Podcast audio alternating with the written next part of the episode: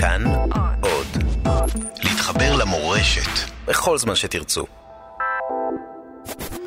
ערב שבת בין השמשות, פרשת כי תבוא. ערב הכניסה לארץ מעמיד משה את שבטי ישראל, זה מול זה, על שני ערים, ומביים אותם לשחק בברכות וקללות. האם זו נבואה, חינוך, לימוד או בעצם תיאטרון? הבמאי יפים ריננברג הוא הצאצא של הרב הראשי של גיאורגיה, שעלה לארץ וגילה בעצם שהוא אתאיסט.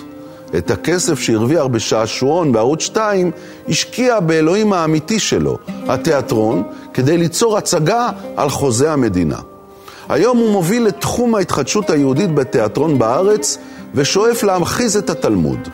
שיחה על דת, תיאטרון והבמאים של התנ"ך.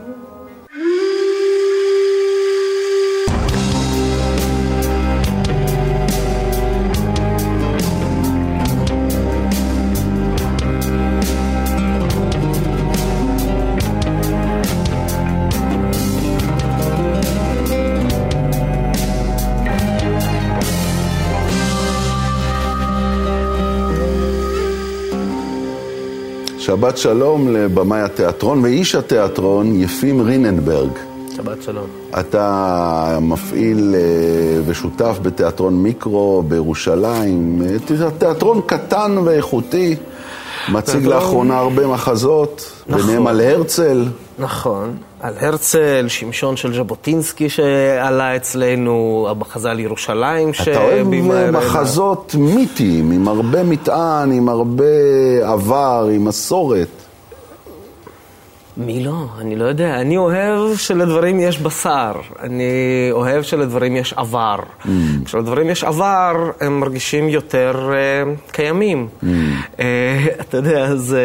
ותיאטרון מנסה להיות אמין, וכשאם למשהו יש נופח שהוא מתרחש מעבר לאירוע הספציפי הזה ונוגס במיתוס, אז uh, יש בזה משהו שיש לזה כוח של אמינות. למיתוס יש כוח של אמינות במופרכותו. דווקא במופרכותו. לחלוטין. תסביר. כן? אוסיריס מת וקם לתחייה, כן? אה, האל הוא כל יכול, והוא בכל זמן. הרגע הזה שבו...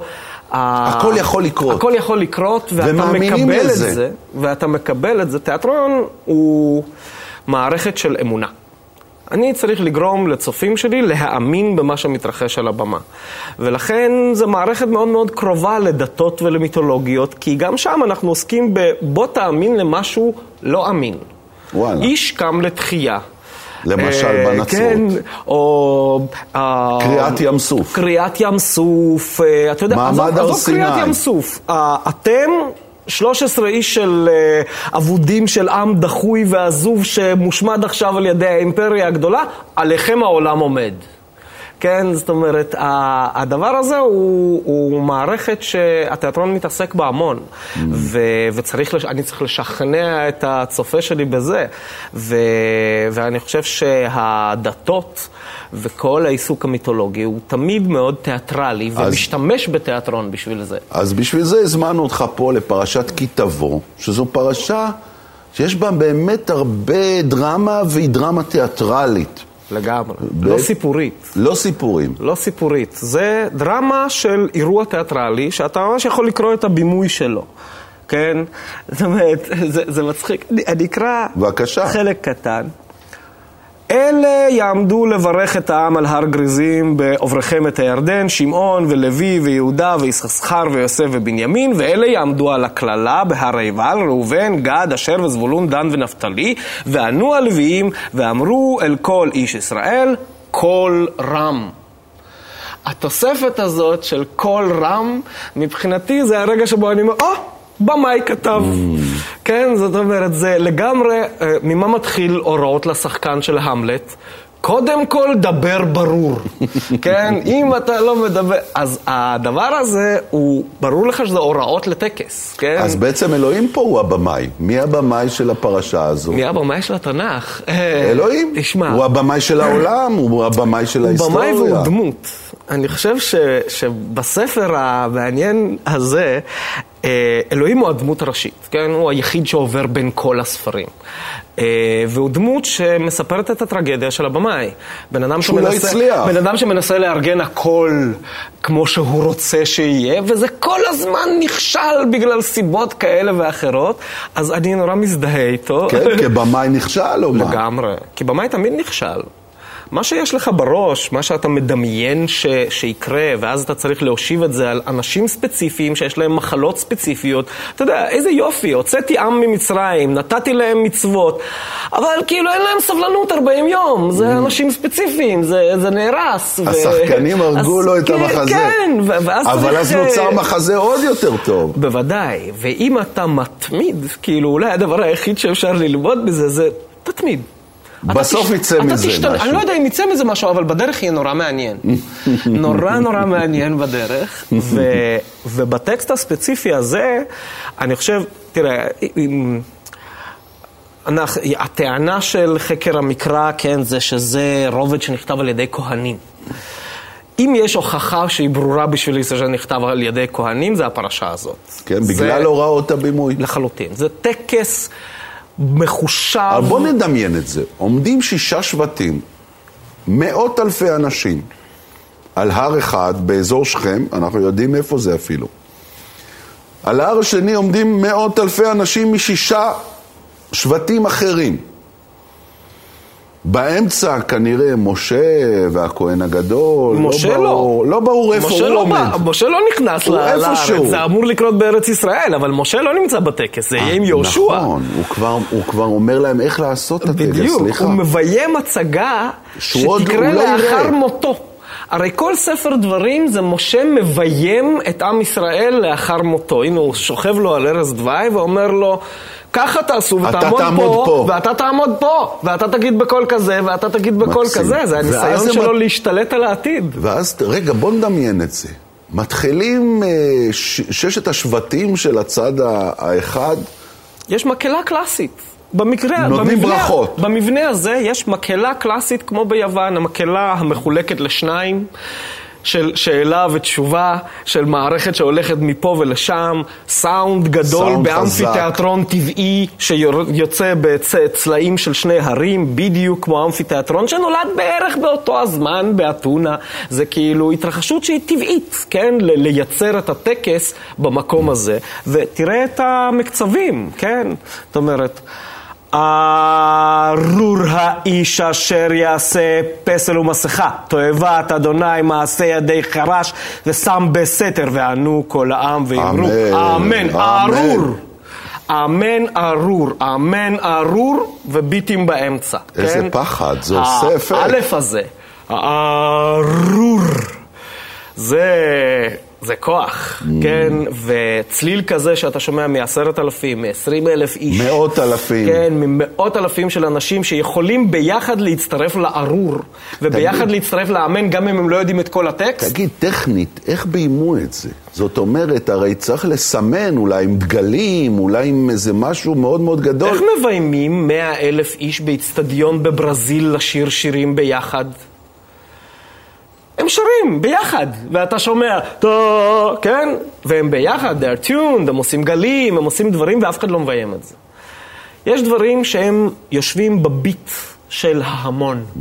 אם יש לך נקודות יסוד ברורות, ארור אמן, ברוך אמן, הדבר הזה שאני יכול להישען עליו... ואולי עושים עליו חזרה לפני כן. בדיוק, ברגע הזה עולים ועושים, וחזרות לחלוטין עושים, כי אחד הדברים שאנחנו מגלים במקום הזה, זה שכולם עושים חזרות, ולא רק חזרות. הוא אומר להם הרי לעשות את זה הרבה לפני שהם מקיימים את הטקס. כשתגיעו לארץ, כשאני אמות, ואז, אז בינתיים יש לכם זמן ללמוד טקסט, חבר'ה, זה קדימה. כן. תשמע, אני לא יכול שלא לשאול אותך יפים, מה זה בכלל יפים? זה לא אה, שם אה, ישראלי. יפים זה uh, שם רוסי שמוצאו מיוונית ומשמעותו הוא חי. חי. חי. אה, לא חיים, חי, ו... אבל כל החיימים ברוסיה הם אה, יפימים. כאילו, זה היה כמו שהלייזרים היו וולפים באזורים דוברי אה, יידיש באשקלון. אז אתה נולדת בטיביליסי? כן. בגרוזיה? טיביליסי שבגרוזיה. בן למשפחה אה, אה, אשכנזית. כן. בגרוזיה, נכון. שזה מיעוט מאוד מאוד קטן. מיעוט בתוך מיעוט מ... בתוך מיעוט. ואני לא... ואם אה... לחשוב שהייתי בברית המועצות, אז הייתי מיעוט בתוך מיעוט בתוך מיעוט בתוך מיעוט. כן. אבל משפחה מאוד מיוחדת. אתה נין של אחד מהרבנים החשובים של אה, יהדות גרוסיה. נכון. אה, הרב... אה, הרב אברהם הלוי חבולס. חבולס, שזה בעצם איזושהי פרפרסה על חבלס, כאילו הצאת, הבן של חווה. ייתכן, זה מה שאתה יודע, אנחנו במשפחה הזה ככה ביטאנו את השם, ולא שאלנו שאלות. אה, חבולס, מצד של אימא שלי, זה, זה אותה משפחה. הוא היה באמת איש מאוד מאוד מעניין בכל קנה מידה. הוא הגיע לגרוזיה כנראה כשליח של הישיבה, ישיבת סלובודקה. של ישיבת סלובודקה, ישיבה שגם אני למדתי בה, בארץ, לא ב- כן, בליטא. כן, אז אתה רואה, יש לנו ייחוס תורני משותף. נכון. אה, ו... תלמיד של רבי של יצחק אלחנן ספקטור, ספקטור, איש כן. גדול מאוד. איש גדול מאוד, שאני חושב ש... חבל מאוד שכשאנחנו אומרים יצחק אלחנן ספקטור בארץ, אה, אנשים צריכים לשאול מי. חבולס, אה, חבולס. אנחנו מאבדים לגמרי, מאבדים אה, איש שלקח את הכיוון הלימודי חרדי למקומות מאוד מאוד מעניינים. כי הוא בעצם ו... הגיע מהעולם החרדי, הליטאי. נשלח לגרוזיה. נשלח לגרוזיה, ושם קרה המקרה המשונה, שכמו שהאגדה מספרת, הוא לא יכל לדבר איתם בשום שפה חוץ מעברית. כי יידיש הם הם לא לא דיברו. דיברו יידיש, הוא לא דיבר גרוזינית, אז הוא דיבר עברית, והם התרשמו ממנו מאוד, והוא נשאר שם בעיר צחינוואלי, והפך להיות אה, ממש רב אה, חשוב בגרוזיה. ובתי ספר בעברית. והתחיל להקים בסוף מאה ה-19 שם בתי ספר שפעלו בעברית, כולל בתי ספר לבנות, בתי ספר למלאכה לבנות, וואו. שהוא היה בין מקימיהם. הוא היה ציוני, מן הסתם. הוא היה ציוני נלהב, ציונות ציון. גרוזיה, הם כולם תלמידים שלו. אפילו אה, הוציאו בול בגרוזיה נכון. עם, ה, עם נכון, אני הדיוקן חושב של, שהוא הרב של היחיד סבא. שמופיע על בול רשמי של מדינה שאיננה ישראל. כי הוא נחשב באמת בן אדם שהשפיע רבות על המערכות חינוך בגרוזיה בסוף מאה ה-19, והפריחה של ציונות גרוזיה, אה, שהיא ציונות אה, גם לא, מאוד לא מדוברת. לא מוכרת בכלל. וחבל מאוד, כי נגיד, כשאנחנו מדברים על ברית המועצות אה, ועל ה... ה- אנחנו מדברים על שרנסקי, אבל. הרבה לפניהם היו 18 משפחות של גרוזינים שעשו את אחת הפעולות המדהימות ביותר בהיסטוריה של המרד, שהם השתלטו על סניף הדואר הראשי בברית המועצות של מוסקבה בשנת 73. מה אתה אומר? וכתבו מכתב לאו"ם שאנחנו לא נצא מפה עד שלא ישחררו אותנו. ושחררו אותם והם עלו לכאן לארץ. זה אחד מסיפורי הגבורה הציוניים שמדהימים. זה, זה באמת סיפור אז מדהים. הנה, אנחנו עושים אנחנו לזה לא יודעים על קצת זה אה. זכר. אנחנו לא יודעים על זה כלום, והם כולם היו תלמידי תלמידיו של אה, סבא רבא שלי. יפים, אה, זה מרתק, זה מרתק. תכף נמשיך לדבר על זה, בינתיים בשמחה. הפסקה קצרה בשביל תשדירים. חייבים. תודה רבה. תכף נחזור.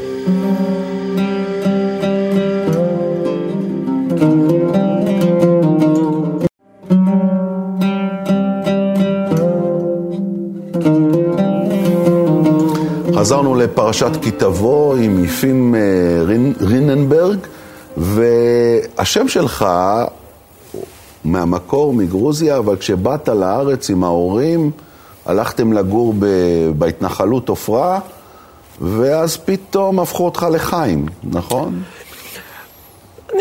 תראה, מה זה הפכו אותי? הייתי חי מילדות, כן? זה, קיבלתי את שני השמות. ב- בברית מילה. ברוסיה לא בברית השתמשתי מילה, בהם. מה נתנו לך? בברית מילה כבר הייתי חיים, כי את הברית מילה עשיתי פה. בגיל מתי? 11. וואו. אמ, איך זה היה, דרך אגב? לא כיף. לא. לא. בהרדמה, אני לא מניח. ממליץ, כן.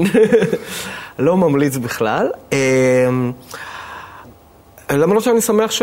שעשיתי את זה, זה. כן, וגם מלתי את בני ופדיתי אותו, אה, הוא בכור. בכורי לחלוטין. אז ו- אתה אומר שאתה לא ממליץ לעשות את זה בגיל 11, אתה כן, מתכוון. כן, אז, אה, תעשו את זה בזמן. אוקיי. אה, זה- אה, אבל, אה, אה, אבל ברוסיה כמובן לא הייתי חיים, אה, וכאן בארץ שש שנים הראשונות הייתי חיים. ואיך זה היה אה, להיות חיים בארץ, בעופרה? זה היה כמו ללבוש מסכה אה, מאוד עמוקה, ואז גם דיברתי בריישים, אה, ונורא ניסיתי להיות אה, מפה. ואני חושב שהרגע שבו באמת הבנתי שאני אבל זה לא רק מרגיש פה להיות בבית... מפה. זה לא רק להיות מפה, זה להפוך לדתי, כן. ללמוד בבית ספר דתי, כן. בהתנחלות עופרה, עם כל המשתמע מכך. לגמרי. ואתה הרגע הגעת מגרוזיה, ואתה נכון. לא מבין בכלל מה קורה פה. כן. זה, תשמע, עלייה היא לילדים, לנערים, היא משבר עצום. כי מעבר לזה שאתה חווה משבר, אתה חווה אותו בזמן שההורים שלך חווים משבר. שהם בעצמם אה, במצוקה ואז ובמשבר. אתה מאוד מאוד אבוד, ויש אה, באמת אה, תחושת תלישות מאוד חזקה ורצון מאוד מאוד חזק להשתייך, להשתייך למשהו. אה, ואני חושב שבאופן פרדוקסלי, הרגע שבו אתה באמת משתייך, זה כשאתה מכריז על היותך אתה. כן, זאת אומרת, ברגע שבו בגיל 16 החלטתי שאני חוזר להיות יפים, וזה לא נוח להיות יפים בארץ. זה שם ששואלים אותך איך קוראים לך, או קוראים לך ודים, יפת, יפתח, יפרח, מה שאתה לא רוצה. אה, אבל, אה, אבל זה מרגיש לי נוח ונוח ובבית. זאת אומרת, דווקא ברגע שהרגשת נוח, יכולת להוציא את הזרות שלך החוצה. כן. לשים אותה כן, ככה כן, על השולחן. ואני, ואני מאוד שמח על זה שזה קרה. אני חושב שנגיד, אחד ה... אני, אני מאוד שמח נגיד על תהליך שקורה בארץ של אנשים שחוזרים לשמות המשפחה האשכנזיים שלהם. כי אני חושב שהעברות הזה, אה, מחיקת ההיסטוריה, למשה יש שם מצרי, מובהק. משה. אוקיי? זה שם מצרי מובהק. ואני חושב שזה נהדר שזה כזה. ושלא קראו לו אה, חיים. יהושע, או חיים, או כאילו משהו כזה. כי, כי אני חושב שעברי זה אחד שהגיע מהעבר השני, והזרות והגרות של התרבות שלנו היא, היא משהו נורא מהותי בה. ואני חושב שאני מרגיש הרבה יותר נכון עם עצמי אה, כשאני יפים. כשאני לא חוסך ולא מסתיר מעצמי את, ה, את הדבר הזה, את העבר שלי, את הזהות שלי, הזכר וההישארות של כל האינפורמציה, כל האינפורמציה חשובה. זה שאני מגרוזיה, וזה שאני אשכנזי מגרוזיה, וזה שיש שם את העבר הזה, ושהמשפחה שלי יש לה שורשים הולנדיים, וכך הלאה, כל זה, זה משמעותי, ואני חושב שגם גם, ה- הספר הזה, אחד ה... פעולות שהוא עושה איתי, זה לחזק את הערך של זיכרון באופן כללי. תזכור הכל. הכל. אתה מדבר על זה, אבל לא מנקודת מבט דתית, כן? למרות שהגעת אני לעופרה... חילוני לחלוטין. אתה חילוני ואתה... אני חילוני ואני אתאיסט. אתאיסט. כן. אני לא מאמין באלוהים. למרות ש, שקיבלת חינוך דתי בעופרה, ולמדת ואני מאושר תנ"ך וגמרא. אני שמח מאוד על זה שקיבלתי אותו. זה היה תגמול הולם. כי, אתה יודע, אחד הדברים שאני תמיד אומר, אני הגעתי מארץ שבה 74 שנה אימפריה שלמה ניסתה בכוח למנוע ממני לקרוא את הספרים שהתרבות שלי אמורה לקרוא. וזה שהגעתי לבית ספר דתי כאן, זה היה נפלא, כי קיבלתי משנה ותלמוד ותורה ורש"י וכל מה שצריך. ומתי גילית אבל שאתה לא מאמין באלוהים? אה, לא גיליתי את זה. נורא ניסיתי להאמין. אה, ניסית, השתדלת. כן, נורא ניסיתי. מאוד רציתי. וזה לא הלך? ואני עדיין מאוד רוצה. אבל... אמ, מי מפריע לך? אולי זה שאני במאי, ואני יודע איך האמונה מופעלת. אני כאילו מאחורי הקלעים של הטריקים. אה, אולי זה, אני לא יודע, אני לא באמת יכול להגיד, זו שאלה מאוד, מאוד רחבה. אני יודע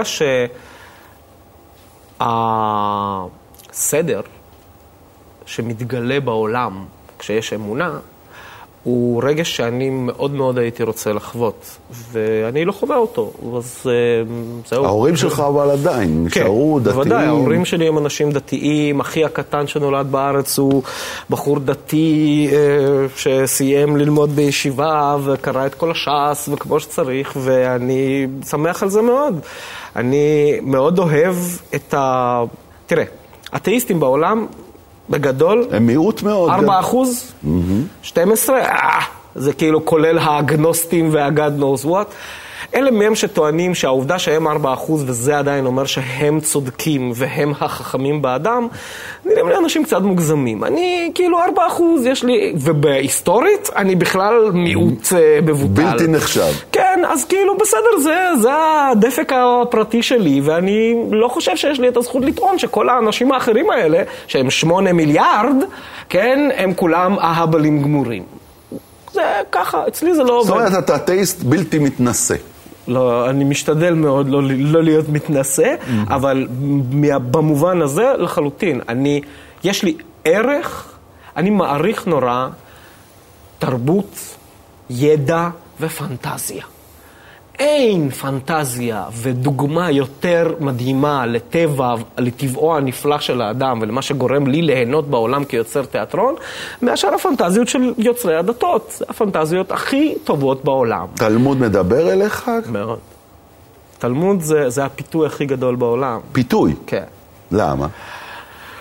כי תלמוד זה מקום שאתה יכול לטבוע בו באופן טוטאלי, לוותר על הכל, לבטל את הכל ולחיות בתוך מילה, mm. ולחיות בתוך אה, אורגזמה רוחנית אה, של עיסוק אינטלקטואלי אה, שיכול להיות לפעמים מנותק לחלוטין מהגוף שלך. זה מגיע למקומות שאתה... אתה עף, אין, אין גוף, אתה עסוק בשאלות שהריאליה שלהם היא אפס מוחלט. Mm. אבל אתה עסוק בפרטי הפרטים של הפנטזיה הזאת, שזה נורא נורא דומה לעיסוק שלי בתיאטרון, כי mm. שום דבר לא אמת. אבל אני ממש חייב שזה יהיה בדיוק בזווית הזאת וזה יהיה בדיוק בזווית הזאת, כדי שזה ירגיש אמת. אז בוא ניגש לקטע הראשון של הפרשה. יאללה. על הביקורים. והיה כי תבוא אל הארץ, אשר הוויה אלוהיך נותן לך נחלה, וירשת וישבת בה. ולקחת מראשית כל פרי האדמה. אשר תביא מארצך, ושמת בטנא, והלכת אל המקום אשר יבחר הוויה אלוהיך, לשכן שמו שם. ובאת אל הכהן אשר יהיה בימים ההם, ואמרת אליו, הגדתי היום להוויה אלוהיך, כי באתי אל הארץ אשר נשבע ההוויה לאבותינו לתת לנו. ולקח הכהן הטנא מידך, והניחו לפני מזבח הוויה אלוהיך. וענית ואמרת לפני הוויה אלוהיך, ארמי עובד אבי, וירד מצרימה, ויגר שם במתי מעט, ויהי שם לגוי גדול, עצום ורב, וזה עוד ממשיך. נכון. מכיר את הטקסט יודעים. הזה? וכולם מכירים, נכון? מהאגדה של פסח. מהאגדה של פסח. עכשיו, זה מדהים, כי uh, זה טקס שלא סתם עובד. זה הצגת תיאטרון שמתפקדת יותר מאלפיים שנה באופן קבוע בכל בית בישראל. הטקסט הזה, שלומדים בעל פה, ובסוף אתה זוכר אותו בעל פה מאיפשהו, הוא יגיע לך, ויש טקסיות מסוימת שבה עושים את זה, והוא טקסט של הזדהות, והוא טקסט מאוד מאוד מעניין, אני חושב, של הדבר שדיברתי עליו, של זכר. זכר. זכר. ארמי עובד אבי. מספרים את הסיפור הלאומי בעצם. אתה מבין? לא מתחיל עם מי, ניצחנו את מצרים. לא, ארמי עובד אבי. כן, ובמתי מעט, וכאילו כל הדברים האלה שהם אמורים כאילו להיות שוליים, ואין רגע של ביטול, אתה יודע, לא, זה לא, לא חשוב. זכר, והזכר הזה, הוא מתחיל ממש בהתחלה, כי יש פה מילה שהיא נורא נורא מעניינת, וירשת. כן. לפני שישבת, צריך לרשת. שמה להוריש, זה אומר? כן? אז זו מילה מאוד מסובכת, כן? להוריש ב, ב, במקרא... זה ש, לגרש. שחוזר הכי הרבה פעמים בספר יהושע, זה יכול להיות כאילו משהו מפחיד, אימה לגרש, תשמיד את כל האנשים שיושבים שם ורק אז זה שלך. ביחד עם זה, זה אותו שורש של מורשת. כן? זה אותו שורש של ירושה והורשה. שזה ההפך, זה לחבר לשושלת החיים. ואתה מבין, ואני חושב שבסופו של דבר מה שקרה, זה שהרבה יותר ירשנו מאשר הורשנו. Mm. כי הטקסים, המילים והפעולות של עמי כנען שהסתובבו כאן, אנחנו הכנסנו אותם פנימה הרבה יותר מאשר, מאשר, מאשר uh, גירשנו אותם. ויש סיכוי רב מאוד שהטקסיות הזאת, שאנחנו קוראים פה, יש לה השפעה מאוד מאוד גדולה של העמים האחרים, כן? ואני חושב שה... הסוד הקטן הזה של מה זה, מה זה על הרשת, Mm. איך אתה יורש דברים? אתה יורש דברים על ידי זה שאתה אה, מעיף כל זכר לשוכן הקודם? אה, או, שאת, או שאתה מטמיע את הזכר שלו. או שאתה מטמיע בתוכך את הדבר הזה. ולכן אני חושב שהעיסוק שה, הזה של היהדות בזיכרון, הרי יהדות מתחילה בשבילי באופן מוחלט והגדת לבנך, זה הטקס. כן? לגמרי, כן? זאת אומרת, כן. והגדת לבנך, זה הסיפור. אתה צריך לספר את הסיפור, לספר סיפורים. Uh, לכן, עם כל היותי אתאיסט, אני מרגיש את עצמי לגמרי יהודי. כי אני מספר סיפורים, mm. ואני שומר זכר, ואני רוצה לאסוף כמה שיותר ממנו ולהתעסק בו כמה שיותר, ו- ולחוות אותו כמה שיותר מחדש, זה חור... אתה צריך לעבוד את מצרים. אתה רוצה לחוות גם את הדברים המפחידים שיש פה בפרשה? בחלק של הקללות, תשמע, אני כל שנה כשאני קורא את זה, אני באמת, אני, אני מצד אחד קורא את זה, אבל מצד אחד אני סוגר את העיניים, כי אני לא יכול לסבול את זה. כן, יש שם... יקיך, אדוני, בשחפת ובקדחת ובדלקת ובחרחור ובחרף ובשידפון ובירקון ורדפוך עד עבדך. נורא. ואז, ואכלת את פרי בטנך, כן. בשר בניך ובנותיך. כן. הטקסט הכי מפחיד במקרא, חוץ מאיכה. יותר מפחיד אולי מאיכה אפילו. באיכה כתוב, עשה אדוני אשר זמם. Mm. ייחוס המילה זמם לאלוהים, אני לא חושב שהמקרא אי פעם הולך צעד יותר רחוק mm. מזה. Mm. אה, אז לכן בשבילי זה הטקסט. אתה אוהב את אה, תשעה באב נראה לי. תשעה באב זה בדיוק זה.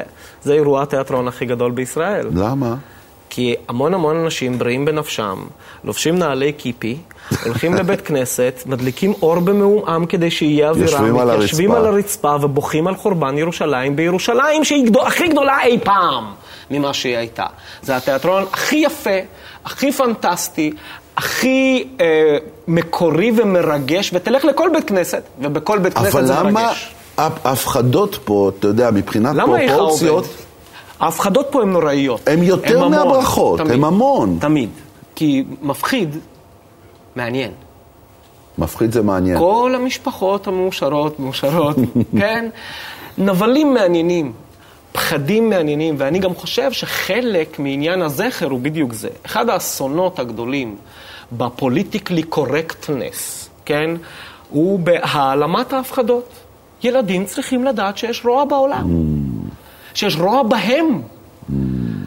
אי אפשר לצפות שאתה מגדל אנשים באין רוע, אין רוע, אין רוע, הכל סבבי, לא אומרים מילים לא יפות, אף אחד לא אוכל אף אחד, הכל בסדר. שאנשים מגיעים לזה שבגיל 18 הם מגלים שאה, את התרנגולת הזאת הרגו לפני שאני אוכל אותה? אוי ואבוי, זה נורא, איך אני חי בעולם הזה. אבל אתה יודע, את הקטעים האלה לא קוראים בבתי הספר. חבל מאוד. אותם צריך לקרוא. אותם. אגדות מפחידות הן לא לחינם מה שמלווה את האנושות כל ההיסטוריה שלה. אגדות מפחידות. אז אתה אומר, כי תבוא צריכה להיות הפרשה הנקראת ביותר בתוכנית הלימודים. לגמרי, אני הייתי עושה, אה, מביים אותה בבתי ספר. תזמינו אותי, אני אביים. יפים רינברג, ריננברג, שבת שלום, תודה שבת רבה. שלום. שבת שלום גם לכם, בשבוע הבא פרשת ניצבים. משה, בני ישראל ניצבים מול האלוהים. שבת שלום ומבורך.